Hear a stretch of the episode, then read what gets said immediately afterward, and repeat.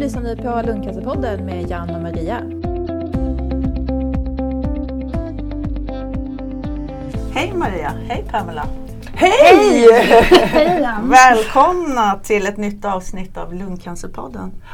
Idag så är vi i Bonnierhuset där du också Pamela håller till om dagarna. Jajamensan. Ja, när du är chef, eh, Chefredaktör Du är och chefredaktör. ansvarig utgivare för Topphälsa. precis. Mm.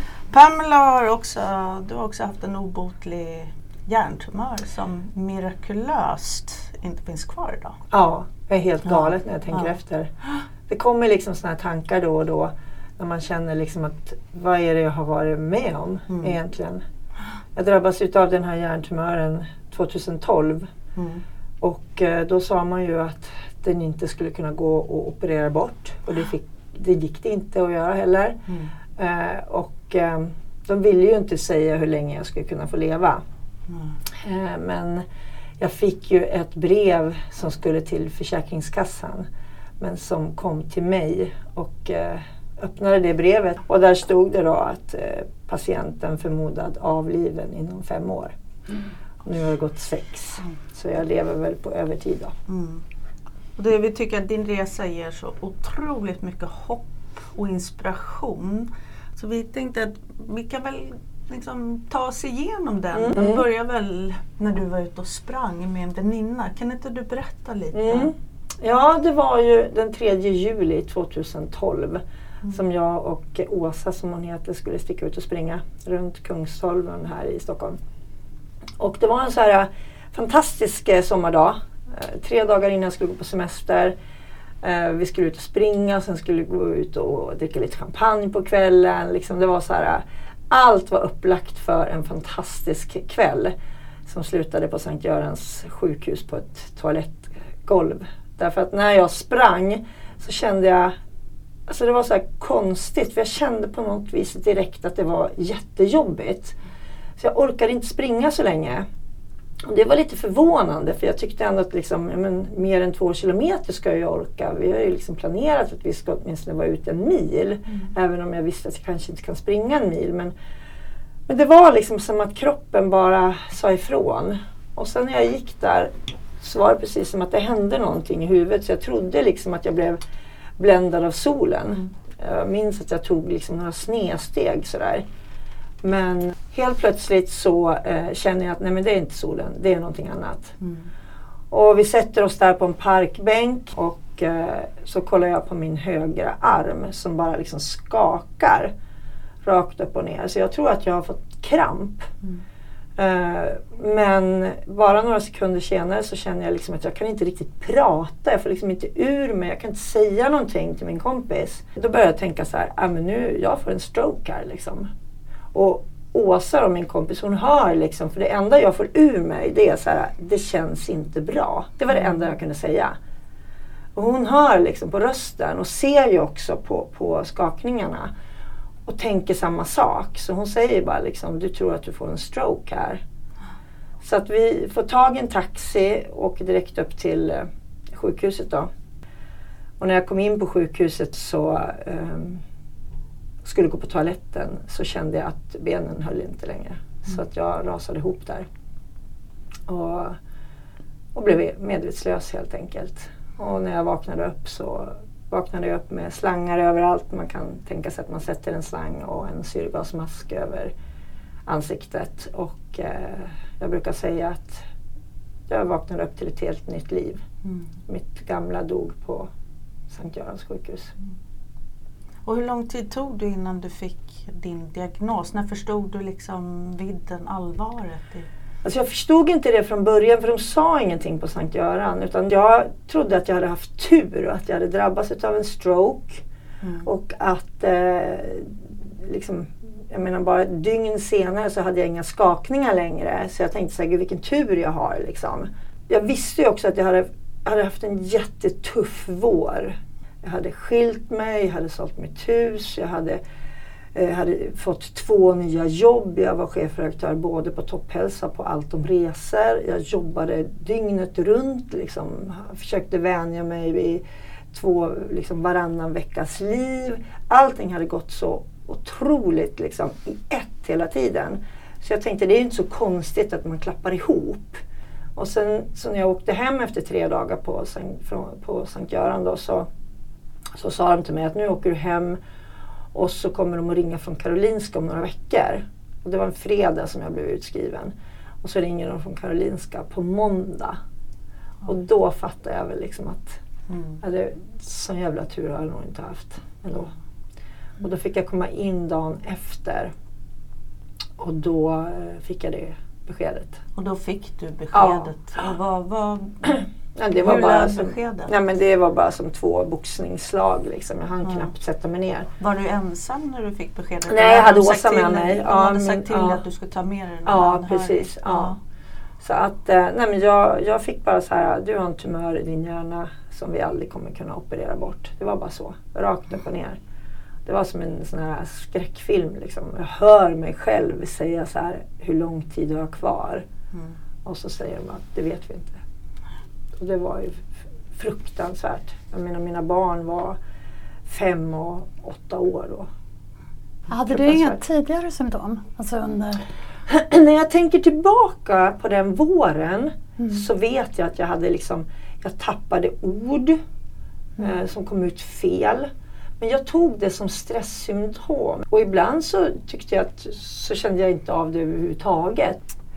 Hur meddelade du dina nära och kära och dina barn? Ja, det är det värsta. Alltså, för det första var man ju en sån chock när jag själv gick därifrån. Och det var helt sjukt för jag, jag gick därifrån och så gick jag direkt på stan och käkade lunch med min kompis för att vi hade bestämt det innan. Liksom. Mm. Och det var som att jag liksom var så chockad så att det enda jag kunde göra var att göra det jag hade bestämt att jag skulle göra. Mm. Istället för liksom att, att gå hem.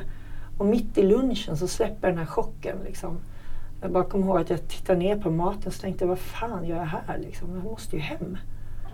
Så att jag bara reser mig upp och bara går därifrån. Och Åsa skjutsar hem mig. Och där sitter jag i sovrummet och ringer samtal efter samtal. Bara gråter och hör liksom mina föräldrar och vänner och skrika i telefonen. Och, nej, det var fruktansvärt. Kände du då att du var döende när du fick... Kändes Ja. det som ett Ja, dödsbesked? nej, men gud, jag visste ju att en hjärntumör, de säger att det inte går att operera bort den. Så att jag visste, det enda jag inte visste var hur länge jag skulle få leva. Var det liksom en vecka, var det en månad, var det till jul, var det ett år? Liksom, jag hade ingen aning. Det var helt fruktansvärt var det.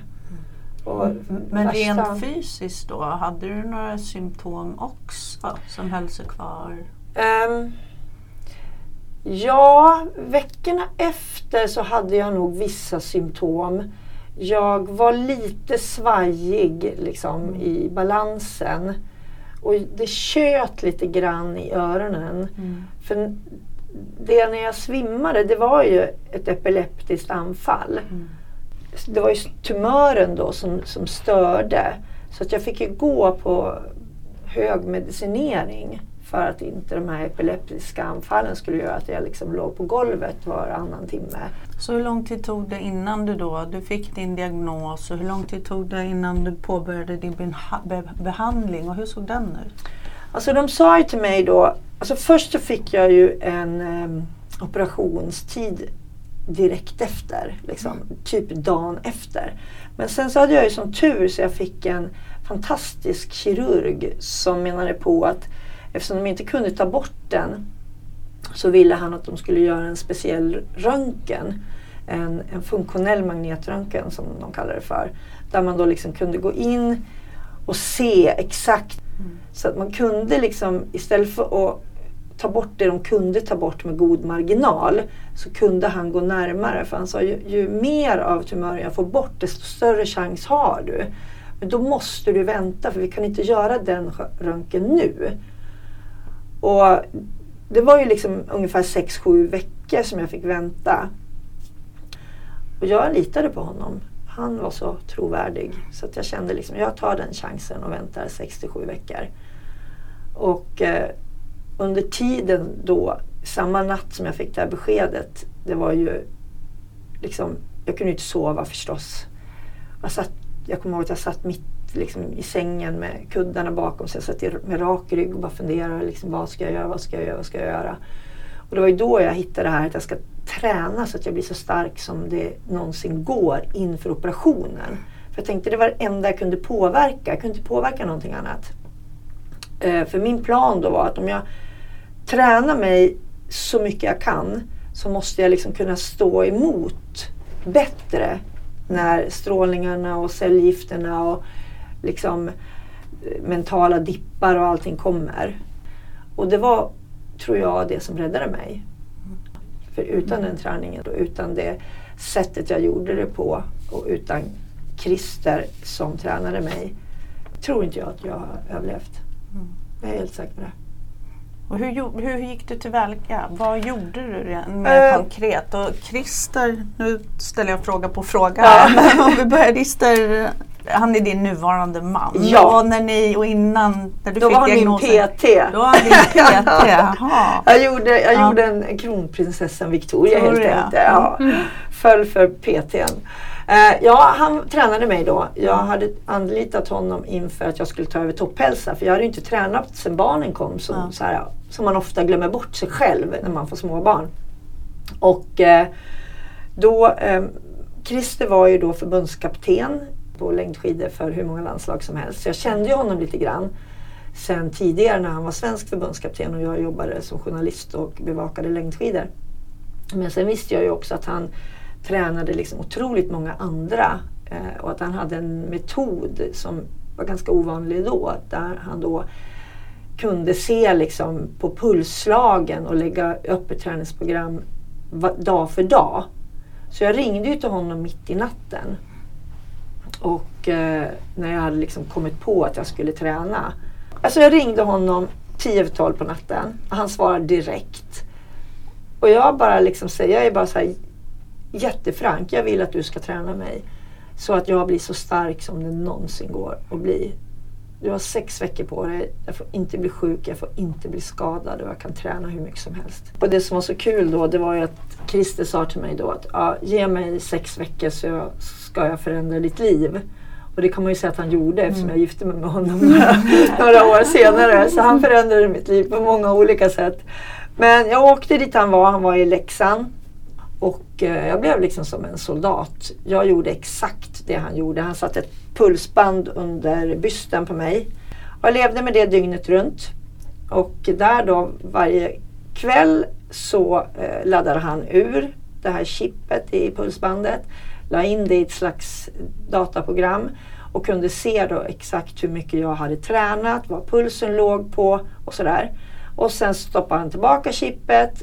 Jag fick sova och så tog han ut det på morgonen igen och såg hur jag hade återhämtat mig. Och efter att han hade sett de två kurvorna så bestämde han hur dagens träning skulle se ut.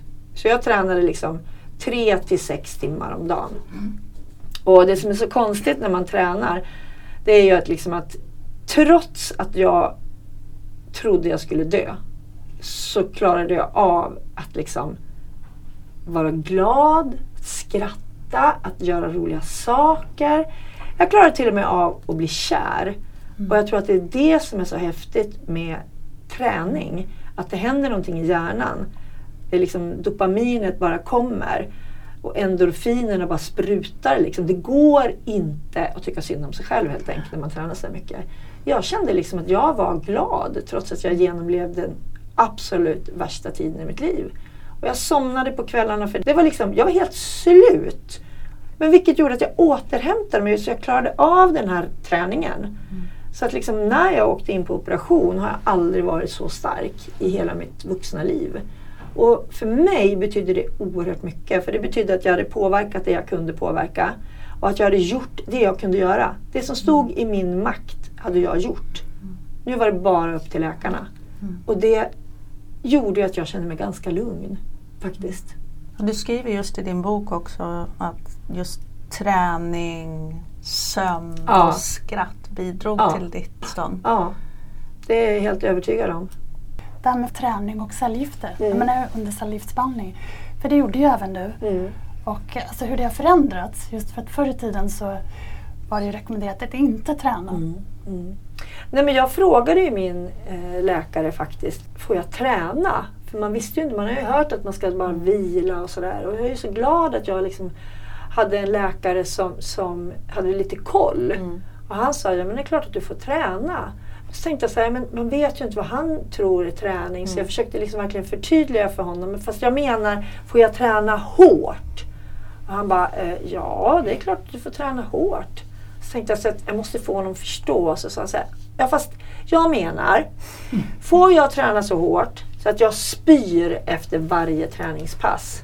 Och han bara tittar på mig och ruskar på huvudet och bara så här, ja om du tycker det är bra så det kommer inte liksom beröra tumören så spyr du bara.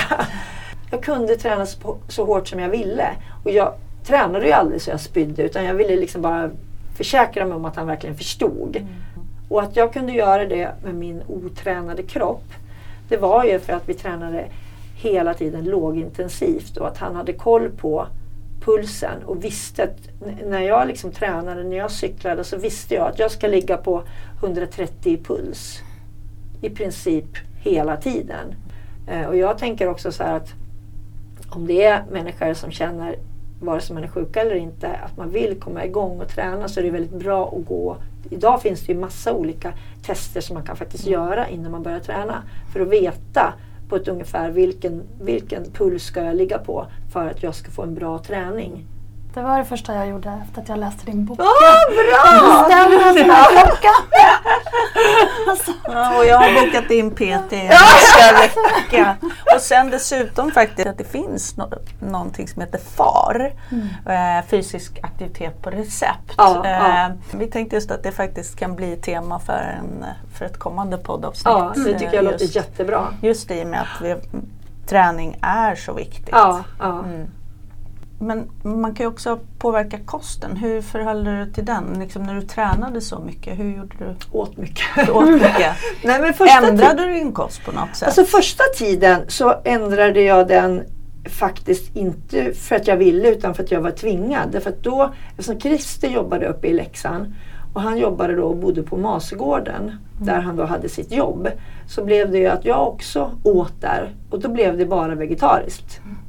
Sen så är jag inte vegetarian så när jag kom därifrån så åt jag som jag brukar göra. Men jag frågade min neurolog eh, om, det liksom, om jag fick äta allt. För jag hade ju hört oerhört mycket och jag fick ju otroligt mycket mail liksom, med det ena förslaget efter det andra. Men han sa bara så här, nej du ska äta precis som vanligt. Du verkar ha en bra, för jag berättade ju vad jag åt, och du verkar ha en bra kost. Det enda, ta bort alla lightprodukter och ersätt det med riktig mat, hemlagad mat, bra fetter. Jag lyssnar hela tiden, jag har hans ord där. Att jag ska liksom inte köra den här light-varianten. Så gick jag upp 10 kilo också. Eh, vi tittar på träning och kost och sömn och sådär. Har du några rekommendationer till våra lyssnare? Så. Eh, ja, jag tycker att alla ska röra sig någonting varje dag. Eh, jag är ju också ambassadör för Cancerfonden och liksom har ju fått lära mig ganska mycket där också. Liksom eftersom, för när jag började att träna fanns liksom den forskningen att träning är bra och, och eh, liksom minska risken att drabbas, den fanns ju inte då. Utan det kom ju något år senare. Och nu är det ju liksom, nu kommer ju en massa olika böcker om hur bra träning är. Men jag gick bara liksom efter den jag var. Och jag var en, en träningstjej när jag var yngre. Det var det jag gjorde liksom. Eh, så att jag, jag tycker att 30 minuters pulshöjande aktivitet om dagen, det klarar alla av. Och det behöver ju inte ens vara liksom 30 minuter i sträck. Att gå liksom i 15 minuter till bussen eller så att man blir lite varm. Mm. Så man känner att pulsen höjer sig. Och så gör man samma sak när man går hem. Bara en sån sak. Eh, innan operationen så gick jag en timme varje morgon men då hade jag ju tagit semester och det ingick i min träningsrutin. Vi, när jag är på våra träningsresor så går jag ju alltid minst två gånger om dagen. Så att jag går liksom 15-20 000 steg om man ska titta på steg. Går du rakt upp och ner eller har du stavar? Det, eller? det varierar. Det varierar. Det är jättebra att gå med stavar. Mm. Stavar ger ju liksom 10% bättre förbrukning av kroppen eftersom du måste jobba med armarna och bålen och det gör du ju faktiskt inte när du bara går. Nej. Så att jag går helst med stavar. Men sen så kan jag tycka att det är lite fånigt mitt i stan att gå med stavar. Jag vet inte, det är något sån här... Men det är jätte, jättebra. Ehm, I din bok Mm. så är det ganska genomgående det som jag fascineras mest av och som är väldigt inspirerande, det är din inställning. Och även när man sitter med det här idag, du har sån utstrålning och sån glädje. Åh, och tack. en annan sak, det är dina, din vän, dina vänners inställning Mm. också har varit otroligt stöttande Mm. och fint. Och, Mm. Ja, ehm, för det första så tror jag att jag är, jag är nog född positiv. Eller jag vet att jag är född positiv. Jag har alltid varit glad och alltid försökt hitta nya vägar. Eh, men sen så tog jag det beslutet också att jag inte skulle ta ut liksom det värsta i förskott. För det är ju ofta det man gör. När man får ett sånt här besked liksom som cancer eller andra svåra sjukdomar så tänker man ju först det värsta. Det gör man ju. Att man ska dö. Mm. Eh, Men många fastnar i det också. Att liksom ingenting spelar någon roll för att man har bara de här eh, x antal månaderna eller åren kvar att leva. Så det spelar liksom ingen roll. Men jag försökte hela tiden vända på det. Att, ja, men nu när jag liksom vet att min tid är liksom förminskad här på jorden i alla fall. Då vill jag göra det bästa av den tiden. Annars har jag kastat bort det. Så att jag bestämde mig för att göra liksom att jag ska försöka njuta av så mycket som möjligt istället. Och plocka bort saker som sög energi. Människor som tog energi och inte gav tillbaka. Sådana saker. Och, eh, och det som var så fantastiskt då, du pratade med mina vänner, det var ju liksom att de flesta vännerna är ju egentligen som jag. Som är glada och som liksom peppar mig när jag faller och som står där hela tiden. Och bara vetskapen att man har vänner som alltid finns där eh, är ju liksom enormt viktigt tror jag för alla som blir sjuka. Och det behöver inte vara att de kommer med blommor utan det är, alltså de kom och lagade mat, de kom och städade, de kom med någon film ibland. Eh, de kom och gick med mig ute på promenader. Eh, bara en sån sak. Det var så viktigt för mig. Och det var så skönt också att veta att de var kvar.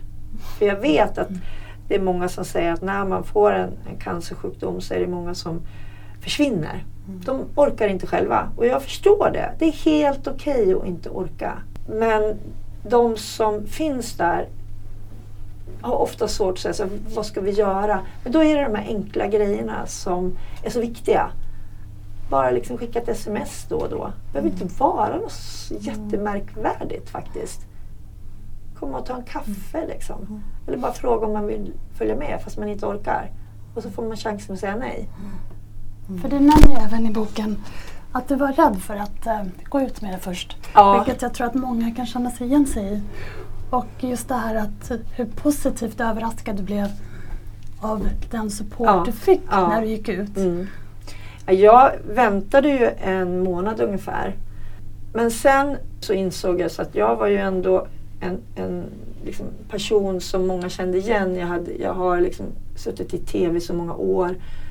Jag kände att jag kunde liksom inte låtsas. Men jag bestämde mig också liksom därför att jag började höra rykten om mig själv. Eh, och då blev det liksom så här. Jag vill äga mitt eget liv. Jag vill inte att de som inte vet ska få höra från någon annan och en story som i så fall kanske inte stämmer. Och då bestämde jag mig att jag skulle göra det på olika plattformar. Jag gjorde en artikel som gick i eh, alla tidningar i Hälsingland där jag kommer ifrån. Eh, samma artikel gick till Expressen och eh, lades ut på min blogg samtidigt. Och då kände jag att då har jag liksom nått de kontaktytor där jag befinner mig mest. Eh, sen hade jag ju liksom inte förväntat mig hur den dagen skulle vara. Men när jag vaknar upp vid sex på morgonen så var liksom hela min mailbox full. Det bara brakade loss. Och då var det precis som att, alltså jag, att jag kastades tillbaka. All den här träningen som jag hade gjort då under en månad när jag kände att jag hade blivit glad och sådär.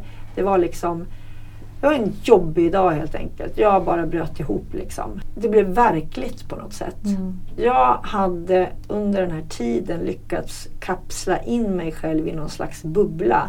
Där jag inte tänkte så mycket på tumören längre Mm. och vad som skulle liksom komma i framtiden, om jag nu hade en framtid. Utan jag tänkte bara det jag skulle göra dag för dag i träningsväg. Och helt plötsligt när alla de här kommentarerna kom så blev det liksom som att jag kastades tillbaka och upplevde den här skräcken igen. Men sen så kändes det väldigt skönt. För det är jättejobbigt när folk kommer och säger ah, jätteglada, hur är läget? Och man bara säger nej men ja, jag ska ju dö vet du. Alltså, det, man vet inte vad man ska säga själv heller. Det blir jättejobbigt. Ska jag säga det här nu och förstöra hennes goda humör? Eller, så det var så skönt. Då visste, inte alla förstås, men väldigt många. De som var viktiga för mig visste. Och sen började jag blogga för att jag skulle liksom slippa eh, ringa runt hela tiden vad som hände. Så att folk kunde gå in på bloggen och när man mötte dem så visste de redan i vilket stadium jag var. Och det kändes väldigt bra.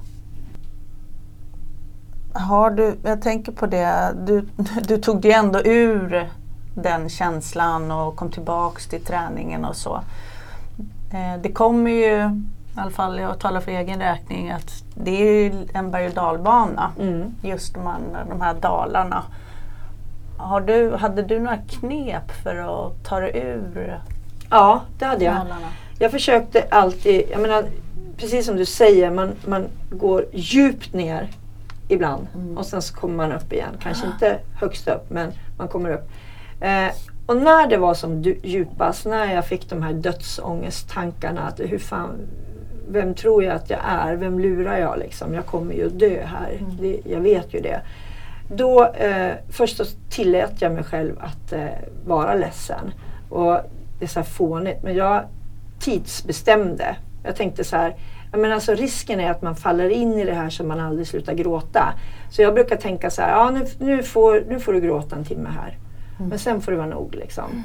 Och så kunde jag liksom storgråta och ofta så, men när man säger så här, ja jag grät hela kvällen, det gör man ju inte. Mm. Utan man kanske småskvätter. Men då liksom bara tänkte jag så här, nej här ska inte småskvättas, här ska liksom storgråtas en timme. Och då är det precis som att det finns inga liksom, tårar kvar. Och efter det så bestämde jag mig för att, ja men nu har jag gråtit färdigt, vad kan jag påverka nu?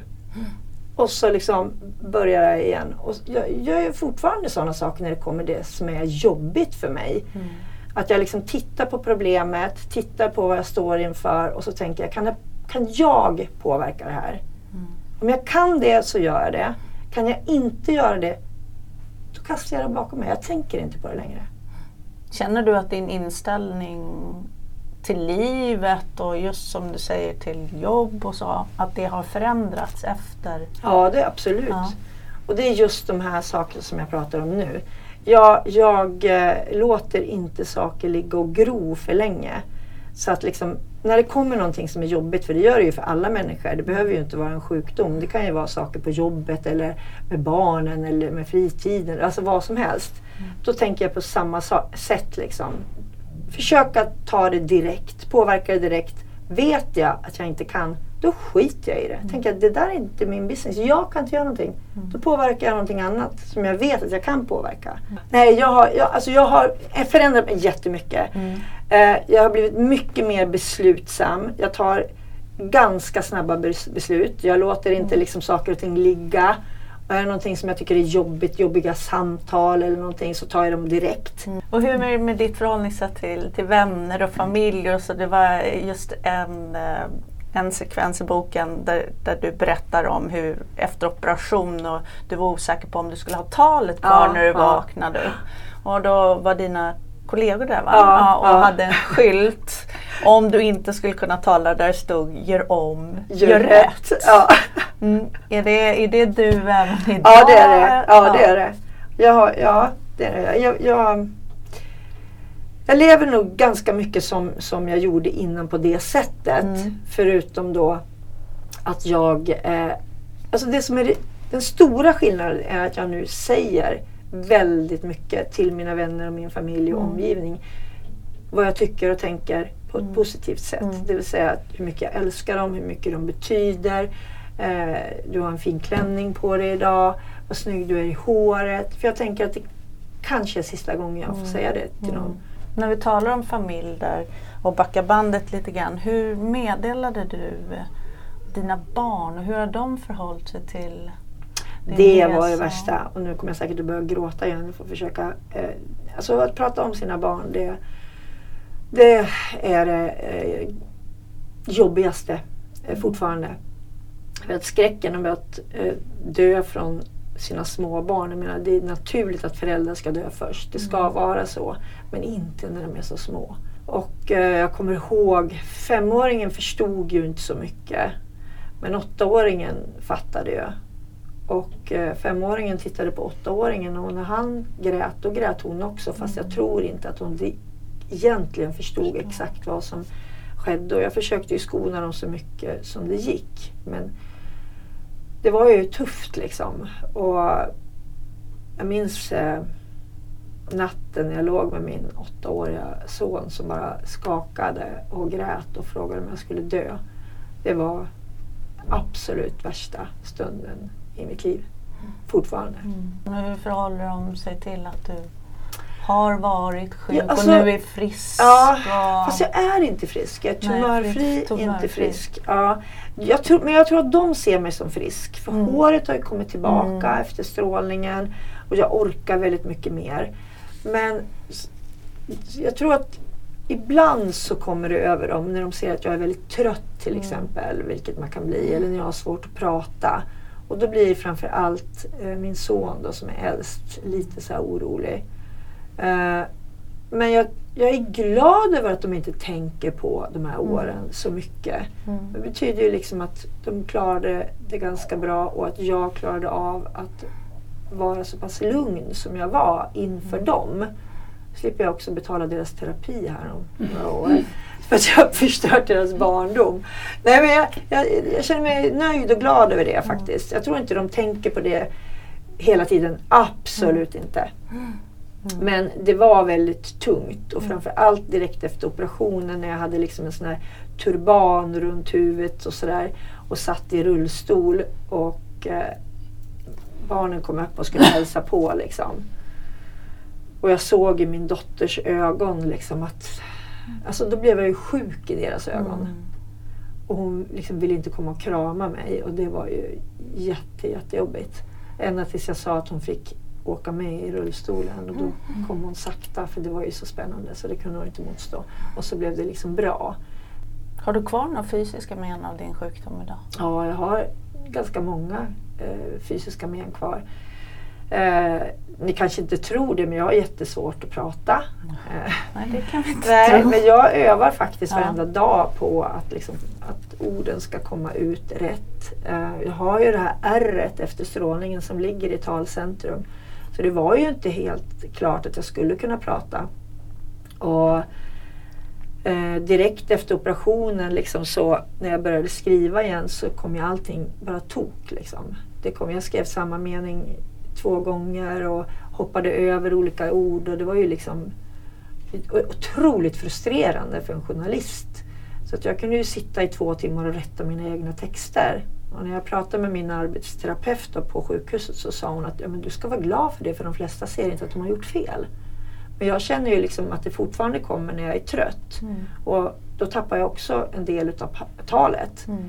Eh, och jag kan liksom inte ta mer än kanske tre glas vin för då tappar jag också talet. Och alla språk som jag pluggade för att jag skulle bli journalist då. Eh, mitt mål var ju att jobba som utrikeskorrespondent. Spanska, franska, engelska, latin har jag jättesvårt att eh, uttala. Jag övar mig på engelska nu. Jag har ju ändå bott utomlands och Mm. jobbat som utrikeskorre i tre år. Och jag förstår allting. Men jag har jättesvårt att uttala orden. Så jag har blivit liksom som värsta nybörjaren. Det låter som att liksom, jag aldrig pratat engelska. Franska och spanska försöker jag mig inte ens på. Det, det är mycket sådana saker. Och jag, eh, ja, gud, jag, har, jag har fortfarande epilepsianfall. Mm. Eh, Jag äter medicin mot det. Epilepsianfallen gör inte att jag blir fysiskt påverkad men jag känner fortfarande när liksom det, det händer saker i kroppen och då kan jag tappa talet. Jag har fått eh, migränanfall eftersom ärret i hjärnan har liksom gjort så att blodet har hittat nya banor runt och orsakat migrän. Jag har svårt, ja du kan bara... Mm.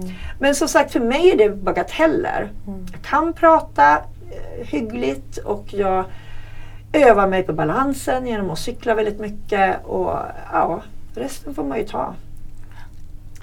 Du började jobba väldigt snart Mm. efter din behandling. Och du är ju chefredaktör så du har ju väldigt mycket, mycket ansvar och så. Så Mm. tränar du väldigt mycket. Mm. Har du några signaler som kroppen ger där du känner att nu är det dags att trappa ner? Ja, Mm.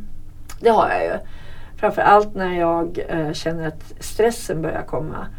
Och stressen gör ju också liksom att jag känner att pulsen inte går ner på nätterna. Jag är fortfarande väldigt noga med att se hur jag återhämtar mig på nätterna. Och eh, jag hade ju en period nu i våras när vi hade extremt mycket. Och eh, då ser jag på en gång att det här funkar ju inte. Och så får jag försöka att ta lite lugnare. Men det är ju liksom en av mina stora saker som jag måste jobba med, förutom tålamodet. Det är liksom att, att försöka lugna ner mitt liv. Jag vill ju så mycket och jag har alltid varit så extremt aktiv. Och liksom kunnat jobba så himla mycket. Och att då inse att min hjärna klarar inte av de här 16 timmars passen längre. Det har ju varit svårt för mig. Men den här sommaren till exempel kommer jag ta det väldigt, väldigt lugnt för jag vet att eh, det är inte bra för mig att stressa. Vi ändå talar om tips och tricks. Mm. Så här, det, vi, ta, vi talade om kosten och träningen och sömnen och skratt. Men Mm. hade du till exempel en sån här bucket list eller säg, skrev du testamente? Dödstädar du eller liksom? Ja, jag skrev inte ett testamente men eh, jag skrev lister innan operationen till exempel. Exakt, jag, jag betalade hyran tre månader innan. Allting var liksom klart. Det låg papper framme om jag inte skulle överleva. Att eh, här är koden till det här, här är nycklarna till förrådet, här är sådär. Eh, jag gjorde två lådor eh, till varsitt barn där jag la minnessaker som jag ville att de skulle komma ihåg. Eh, urklipp, en varsin bok eh, utav den bok som jag liksom, eh, tyckte om då, deras barnbok. Och de här lådorna har under åren växt sig större så nu ligger också min förs- första bok, Jag ska inte dö idag, ligger i varsin och det liksom har kommit mer och mer saker där. Eh, så det gjorde jag. Men inget testamente. Eh, och vi, du sa att idag är du tumörfri. Mm. Eh, hur lång tid, när, när kan du få en diagnos att du är frisk? Jag sa ju tidigare att du Ja, var frisk ja, men du är nej, men- tumörfri. Ja, när är du och det tror jättemånga som tror att jag är frisk. Ja. Ehm, och jag trodde också det. För jag liksom har inte varit med och läkaren har inte heller varit med om så mycket Mm. sådana här saker att den bara liksom försvann. så jag frågade så här, men hur ska jag säga då? Har jag, har jag fort- fortfarande cancer? Är jag frisk? Liksom, för det är ju tomt där uppe i huvudet. Mm. Liksom. Ehm, och då sa han så här, nej men du är inte frisk. Och jag vet inte, sa han, om vi någonsin kommer att kunna friskskriva dig. För det här är så pass ovanligt så vi vet inte vad som händer. Eh, du är tumörfri. Det är liksom som vi säger i dagsläget. Mm. Ehm, och så sa han att, för risken är ju att det kommer en ny tumör där den gamla har suttit. Mm. Det är liksom, och de vet inte hur stor den risken är. Och då så, så frågade jag liksom, men på ett ungefär kan man säga någonting liksom? Eh, ja, sen, ja, men säg att den är 20 procent då. Det vill säga att den är betydligt mycket större än vanliga människor har och får en, liksom, en för, förhöjd risk att få en hjärntumör. Och då, det låter ju ganska mycket. Eh, Men då kände jag så här, ja, fast då är det ju 80 procents chans att den inte kommer. Och då fokuserar jag på de 80 procenten.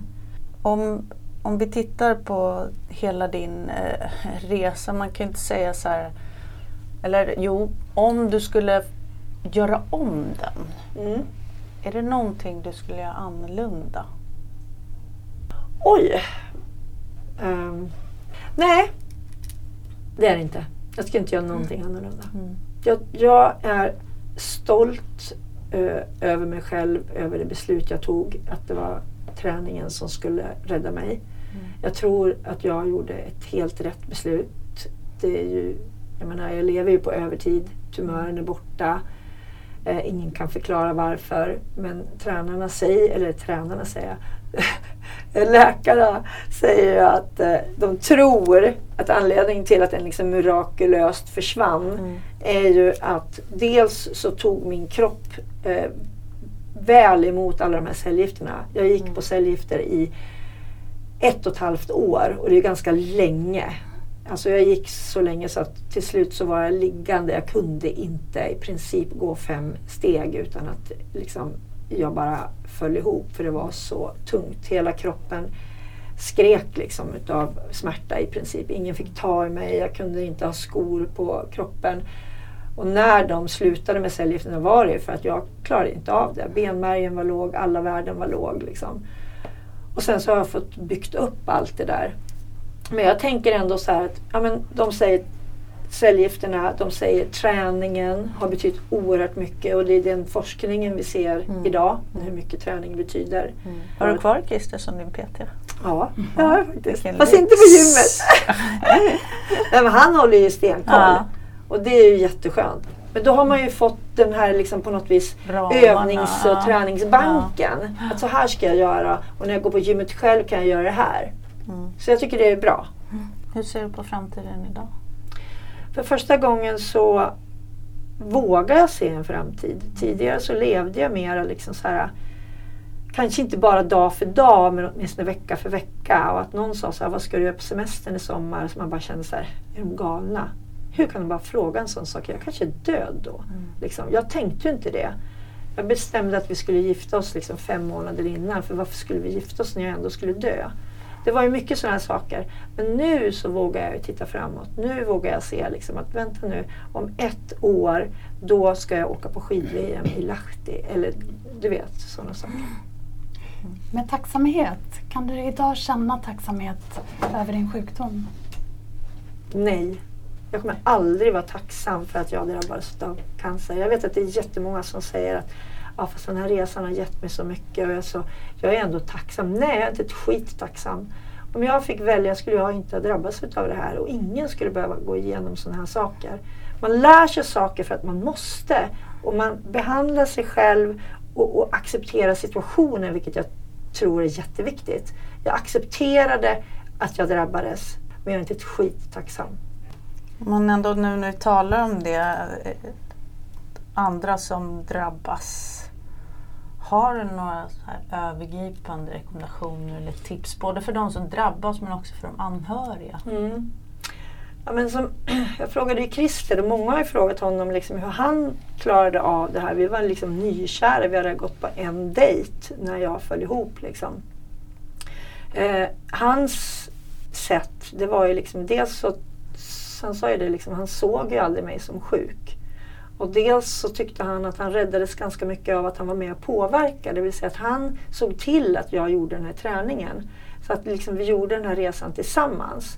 Och sen så hade han ventiler. Liksom han stack ut och cyklade när det blev liksom jobbigt. Eh, den första timmen sa han så cyklade han och grät. Och sen så de andra två eller tre timmarna så bara cyklade han. Det är ju jättesvårt för omgivningen överhuvudtaget. Liksom. Och som råd för andra som drabbas så tror jag att man måste börja med att liksom försöka förstå vad det är man själv kan påverka. För att det handlar ju ofta om det. Liksom kunna göra, vad kan jag göra? Kan jag, kan jag äta det här istället? Kan jag göra så här? Ska jag slu, sluta jobba? Ska jag liksom springa? Ska jag cykla? Alltså, Mm. och, och liksom bara hitta någonting som man kan påverka tror jag gör jättemycket. Och försöka liksom att ändra sitt synsätt. Istället för att hela tiden ta ut det värsta i förskott. Så tror jag att man ska eh, tänka liksom att ja, men det, här, det här ska gå bra. Försöka tänka positivt trots allt. För det vet vi också genom forskning idag. Mm. Att positiva tankar som man tidigare har liksom bara nej, nej, nej, nej. Det finns ju faktiskt idag. Att det betyder otroligt mycket för hjärnan. Mm. Har du någon mer fråga Maria? Vi har ställt så mycket Nej, frågor. jag tror att det är bra Nej, så. ja. Ja. Vi är superglada över att du Mm. och tacksamma över att du Ja, men- vara med i Ja, Lundcancerpodden. Ja, vem vet, kanske på återseende och vi ser fram emot att eh, läsa din bok när den Ja, kommer. precis. Två, svart, två hål i huvudet och ett mirakel Ja. heter den. Och vi kan ju verkligen rekommendera din första bok. Den Tack. är superinspirerande. Mm, och ger hopp. Mm. Ja, men det, det, tycker jag. Mm. det, det är liksom det jag vill göra Mm. och det vill jag göra med den andra boken också. Mm. Och kanske mera liksom att folk får, får ett, ett eh, eh, massa saker till sig som de själva kan göra. Mm. För jag tror ju liksom att det går, efter att man får det fruktansvärda beskedet så går det att komma på fötter och det går att ha ett bra liv trots att man går igenom de värsta sakerna någonsin. Tack Pamela. Tack så snälla. Hej då. Tack för att du lyssnade på Lundcancerpodden med Jan och Maria. De senaste avsnitten hittar du alltid på lundcancerpodden.se eller i din podcast-app.